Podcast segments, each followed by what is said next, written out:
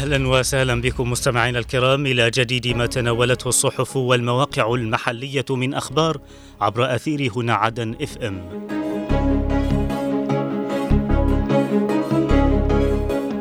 البداية من صحيفة عدن تايم مستمعينا ومنها نقرأ نشطاء جنوبيون يطلقون وسم قناة عدن المستقلة خط أحمر.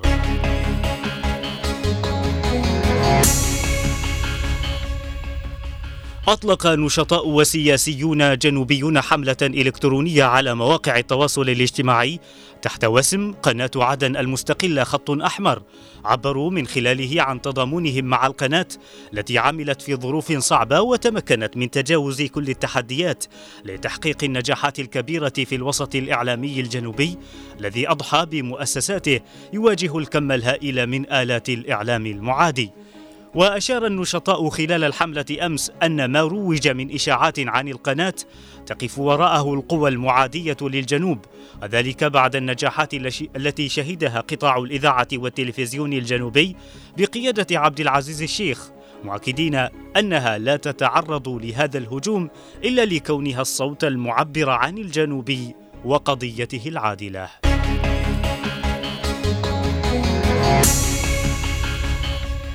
وإلى صحيفة المشهد العربي ومنها نقرأ الإعلام الجنوبي سلاح الحقيقة الذي يقهر الأعداء.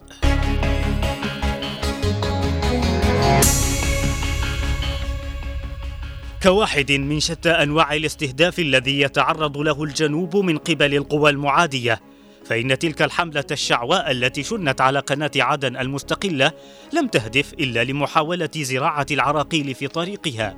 وسعيا لوقف الكم الكبير من النجاحات غير المسبوقة التي حققتها ولأن الشجرة المثمرة هي التي تقذف بالحجارة فإن مثل هذه المؤامرات لا ترتبط إلا بالنجاحات التي حققها قطاع الإذاعة والتلفزيون الجنوبي منذ تولي الأستاذ عبد العزيز الشيخ رئاسة القطاع الذي عمل على رفض القناة ومواكبة كل التطور الذي يشهده إعلام العالم. الأمر الذي جعل الأبواق المعادية تحاول غرس سمومها في مسار نجاحات الجنوب الإعلامية.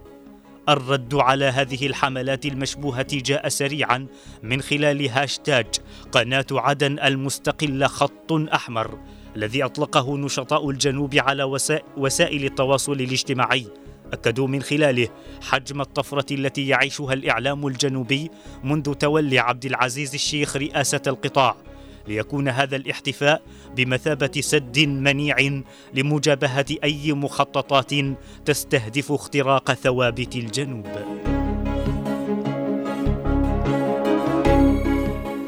من جهته قال رئيس قطاع الإذاعة والتلفزيون الجنوبي الأستاذ عبد العزيز الشيخ أن إدارة القطاع تتقبل أي نقد بناء يعين على تحقيق مزيد من النجاحات الإعلامية ويعزز من إيصال صوت شعب الجنوب للعالم مؤكدا في الوقت ذاته عدم التفات القناة لمعاول الهدم والأقلام الصفراء التي تحاول الانتقام من أي نجاحات جنوبية وعبر الشيخ في تغريدة له على منصة إكس أمس عن خالص شكره لنشطاء الجنوب في منصات التواصل الاجتماعي الذين تصدوا لكل تلك الحملات الهادفة إلى النيل من الجنوب وقضيته وإنجازاته.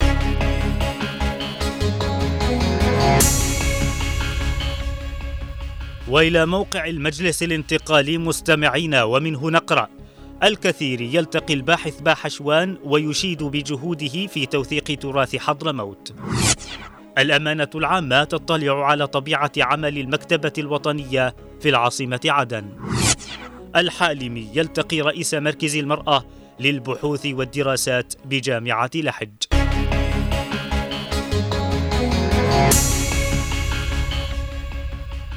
التقى القائم بأعمال رئيس المجلس الانتقالي الجنوبي رئيس الجمعية الوطنية علي الكثيري رئيس مؤسسة حضرموت لخدمة التراث حسن باحشوان الذي ألف كتاب كنوز من حضرموت واستمع الكثير خلال اللقاء أمس من الباحث باحشوان إلى نبذة عن الكتاب الذي يتناول تاريخ الفضة في حضرموت مشيدا بجهود الباحث في إخراج هذا المرجع التاريخي على مستوى حضرموت خاصة والجنوب عامة لخدمة جميع الباحثين في صناعة الفضة ببلادنا مؤكدا دعم قيادة المجلس الانتقالي لكافة الجهود الهادفة لتوثيق وحفظ التراث الجنوبي.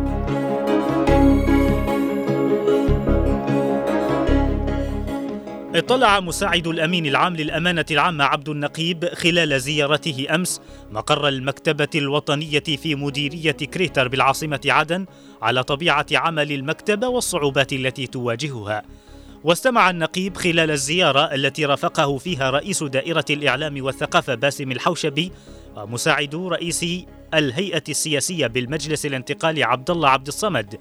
استمع من مدير عام المكتبة عبد العزيز بن بريك إلى شرح واف عن دور المكتبة في التوثيق والأرشفة والأنشطة الثقافية التي تقوم بها مطلعا منه إلى أبرز الاحتياجات المعززة لعملها بالإضافة إلى العراقيل التي تتعمد الجهات الرسمية صنعها لمواصلة تدمير الإرث الثقافي للعاصمة عدن وبقية محافظات الجنوب. اطلع رئيس تنفيذية انتقال محافظة لحج وضاح الحالمي خلال لقائه رئيس مركز المرأة للبحوث والدراسات بجامعة لحج هدى أحمد. اطلع على نشاط المركز والخطط المستقبلية التي يعتزم القيام بها وكذا الصعوبات التي تعترض سير عمله مؤكدا اهتمام قيادة قيادة انتقال لحج بمراكز البحوث لما لها من أهمية في الجانب العلمي والمجتمعي. وأشاد الحالمي خلال اللقاء أمس بالجهود التي تبذلها إدارة المركز رغم شحة الإمكانات مؤكدا أن قيادة انتقال المحافظة لن تتردد في تقديم الدعم اللازم للمركز.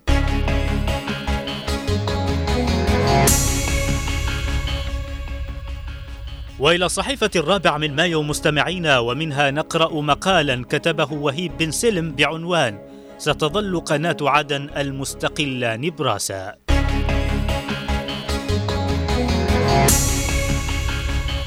يقول الكاتب في مقاله إن ما تتعرض له قناتنا من هجمة مسعورة ليس بغريب بعدما أرق مضاجع القوى المعادية للجنوب أن يكون للجنوبيين صوت يعبر عن انتمائهم.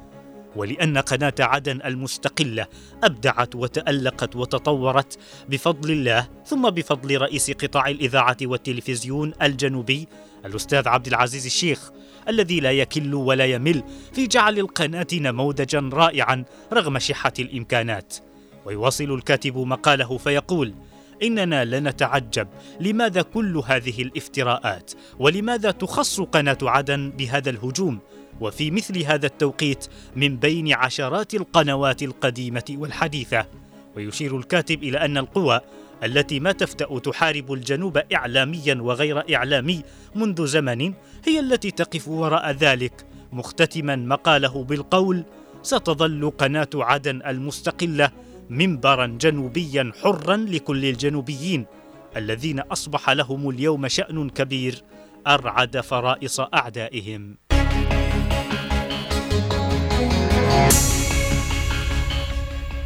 ومن صحيفة الرابع من مايو نقرأ أيضا مستمعينا رئيس انتقال الوضيع يتفقد مبنى قيادة الأمن العام بالمديرية.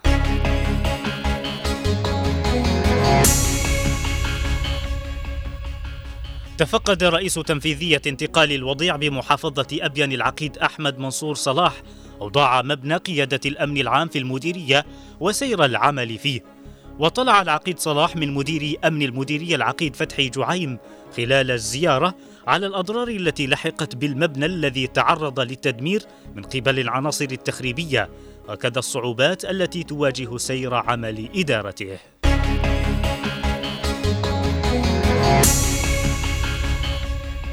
وإلى صحيفة عدن 24 مستمعين ومنها نقرأ في حوار مع قناة آي تي في البريطانية الوزير الوالي استقرار البلاد مرهون بعودة الدولتين إلى ما قبل عام تسعين.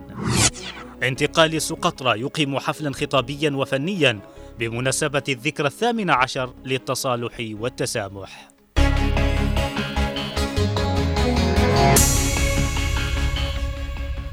أكد وزير الخدمة المدنية والتأمينات الدكتور عبد الناصر الوالي في حوار متلفز مساء أمس لقناة الآي تي في البريطانية أن الحل الوحيد لاستقرار اليمن هو بالعودة بل بالعودة إلى الدولتين إلى ما قبل عام 90 وأوضح الوالي بأن الاستهانة بالسياسة التي ينتهجها الحوثي هي ما أوصل البلاد إلى وضعها الحالي لافتا إلى أن هذه الميليشيات لا تؤمن بنهج السلام ولا تستطيع العيش إلا بالقتال وخلق الحرب وعدم الاستقرار.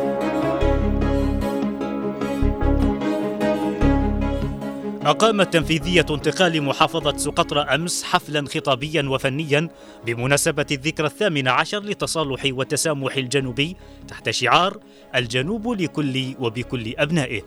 وخلال الحفل الذي حضره عدد من القيادات الأمنية والعسكرية والهيئات التنفيذية للمجلس في المديريات أكد رئيس تنفيذية انتقال المحافظة سعيد بن قبلان أن الجنوبيين أضحوا اليوم متحدين خلف قيادتهم السياسية مشددا بضرورة التمسك بالمنجز الذي حققته هذه المناسبة.